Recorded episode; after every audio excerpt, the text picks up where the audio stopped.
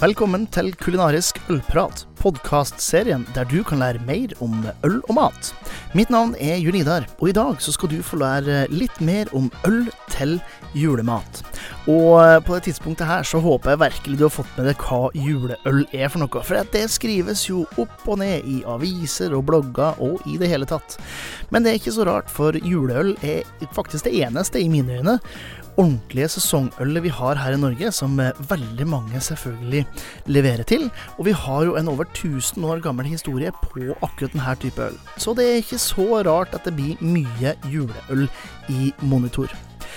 Mange har jo sitt favorittjuleøl når det kommer til til jul. Enten om det er lokalbryggeriet, eller om det er det bryggeriet som man bare og slett syns smaker best, eller har spesielle minner til. Men det jeg tenkte jeg skulle gjøre i dag, jeg skal ta og gi dere litt alternativer. Det er noen juleøl, det er noen ikke-juleøl, og ja, rett og slett, det kommer til å være litt variasjon her. Og som om ikke det nok, jeg kommer til å gi dere én ølanbefaling og en sideranbefaling. For jeg syns også sider burde få en liten plass på eh, matbordet når det kommer til juleøl. Eh, nei, unnskyld, når det kommer til julemat. eh, så la oss, la oss, bare hoppe i det hele. Hvis du har lyst til å lese mer, få ekstra gode tips, ja, rett og slett bare mer nysgjerrig, så har jeg laga en ganske stor artikkel på øl til julemat som du finner på ølsirkus.no, eller via link i shownotesen. Først ut er selve kongen av julemat! Vi snakker selvfølgelig om juleribba. Juleribba er konsumert av over halvparten av den norske befolkning til julaften, og er jo helt nydelig i sin deilige, saftige Eh, altså rett og slett smaksdeilige form. Eh, mel, sprø, svor, selvfølgelig. Det hører godt, eh, godt til. Etter hvert så har man jo skjønt at det er kanskje ikke så hokus pokus å få til, så lenge man har en litt moderne ovn, men det må til sprø svor. Man finner òg en del variasjoner etter hvert. Jeg personlig eksempel serverer jo to juleribber. En som er tradisjonell med salt og pepper, som har fått lov til å logge ganske lenge, og så lager en med ekstra mye smak. Kanskje ølmarinert, eller med asiatisk vri eller hva det måtte være. Jeg tar i hvert fall utgangspunktet i en klassisk norsk juleribbe, med norsk eh, tilbehør, eh, som jo gjerne har mye smak, det er mye fett, og man trenger noe som kan balansere litt opp i det her, samtidig som det ikke overtar smaksbildet. Og mitt valg i ølets verden kommer til å gå til Ringnes julebukk. Eh, det her klassikeren, altså. En av de eh, OG-ene av eh, tradisjonell norsk julelager. Eh, den har ganske høy alkohol som er med på å eh, rense opp etter ganske feite ribba. Eh, og det er en liten sånn her, litt triks. Eh, høy alkohol hjelper til med det. Og det gjør at du ikke blir så eh, mett, rett og slett, eller at du får sånn her fettlag på innsida av munnen. Så den er med på å, å, demme opp for det. I tillegg så har du jo eh, det mørke maltet, som er med på å ja, rett og slett komplementere en del av kjøttsmakene. Uh, som er helt uh, perfekt. Uh, og ikke minst så har du en god fruktighet som er med på å løfte fram tilbehøret i tillegg. Jeg syns det er en meget god allround juleøl. Passer selvfølgelig ikke til alt, altså julebukk og riskrem eksempel. Nei takk. Men til ribbe, en meget god en. Skal du ha en sider, så faller valget mitt på edel sider. Det her er en, eh, en sider med litt sånn moderat sødme, eh, godt eh, friskt eplepreg, selvfølgelig, og en ja, sånn fin syrlig avslutning. Og akkurat den syren der fungerer på akkurat samme måte som den høye alkoholen i Ringnes julebukk. Rett og slett for å kutte bort litt av fettet, friske opp og gjøre det her til en, en god smaksopplevelse. Så der har du det, altså. Skal du gå for øl, foreslår jeg Ringnes julebukk til ribbe eventuelt edel sider, hvis du skal i siderens verden. Nummer to på lista er pinnekjøtt. Og vet dere hva? Jeg elsker røkt pinnekjøtt. Og det vet et par av dere som hører på.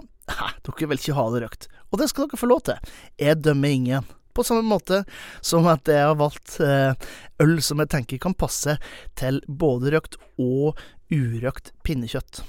Når det kommer til pinnekjøttet, så er jo det overraskende magert kjøtt, egentlig. Eh, har ganske nøytralt tilbehør i form av rotmosen og poteten, eh, men med en skysaus som, skysaus som kan bli eh, forholdsvis eh, eh, feit, faktisk, og kanskje litt eh, salt i tillegg. Som om ikke det er nok, så har det her eh, tørka og røkte pinnekjøttet gjerne en ganske høy grad av umamismak i seg. Og da tenker jeg at Håndbryggeriet sin nissemor er et helt fantastisk godt øl å kunne kombinere med det her. Det er et øl som har godt maltpreg, som på en måte komplementerer og skaper en ekstra dimensjon blant umamismakene til kjøttet, samtidig som det er ganske balansert og friskt, og dermed ikke vil ta over smaksbildet i forhold til tilbehøret, f.eks. Så Håndbryggeriets nissemor får du på polet. Den kan anbefale til eh, pinnekjøtt røkt eller urøkt. Når det kommer til eh, sider, så velger jeg godt for eh, alle sin eplesider. Det er en overraskende kompleks, frisk og deilige sider. Og når man har med pinnekjøtt å gjøre, så er det ganske, det er ganske klart eh, særpreg på maten.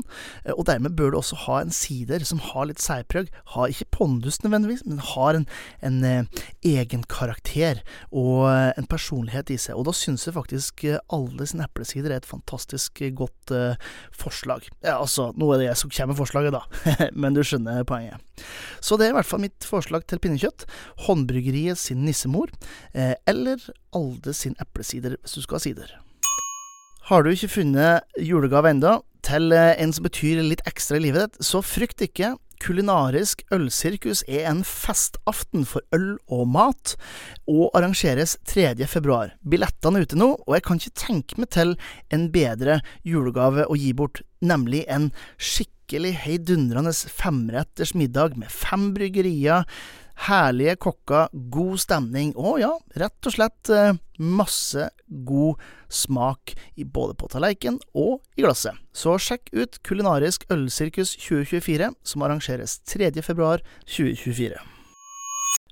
Når det kommer til lutefisken, så snakker vi jo om en eh, egentlig ganske skjør eh, matrett. Tilbehør er jo som oftest smaksintenst og rikt, masse fett og sukker og deilige saker. Men når det kommer til selve fisken, så kan den faktisk oppleves som, eh, som ganske nøytral. Og da må man passe på at man velger noe som ikke er for smaksintenst i glasset. Mitt valg i det her, det går til Ryger sin transatlantisk pilsner, som du får tak i på Rema 1000 for eksempel. Det her er en, en frisk og deilig eh, pilsner som er laga med norske råvarer. Den vil ikke overdøve eh, maten, men løfte det fram og få fram enda mer av smakene både i fisken og i tilbehøret. Eh, Enhver god håndverkspils, tør jeg påstå, er et godt valg til det her eh, tradisjonsretten lutefisk. Skal du gå for sider? Dupont Cidre Bouget. Det her er en fransk sider med personlighet, med en ordentlig fransk personlighet. Den har en god fylde, og den kommer ikke til å overdøve maten, bare bringe frem de gode smakene som du fortjener i din munn til jul. Så eh, Dupont Cidre Bouget, det er rett og slett mitt valg når det kommer til sider til lutefisk. Kalkun er jo noe som vi har adoptert fra hovedsakelig USA, tør jeg påstå, når det kommer til å ha det som en julemat.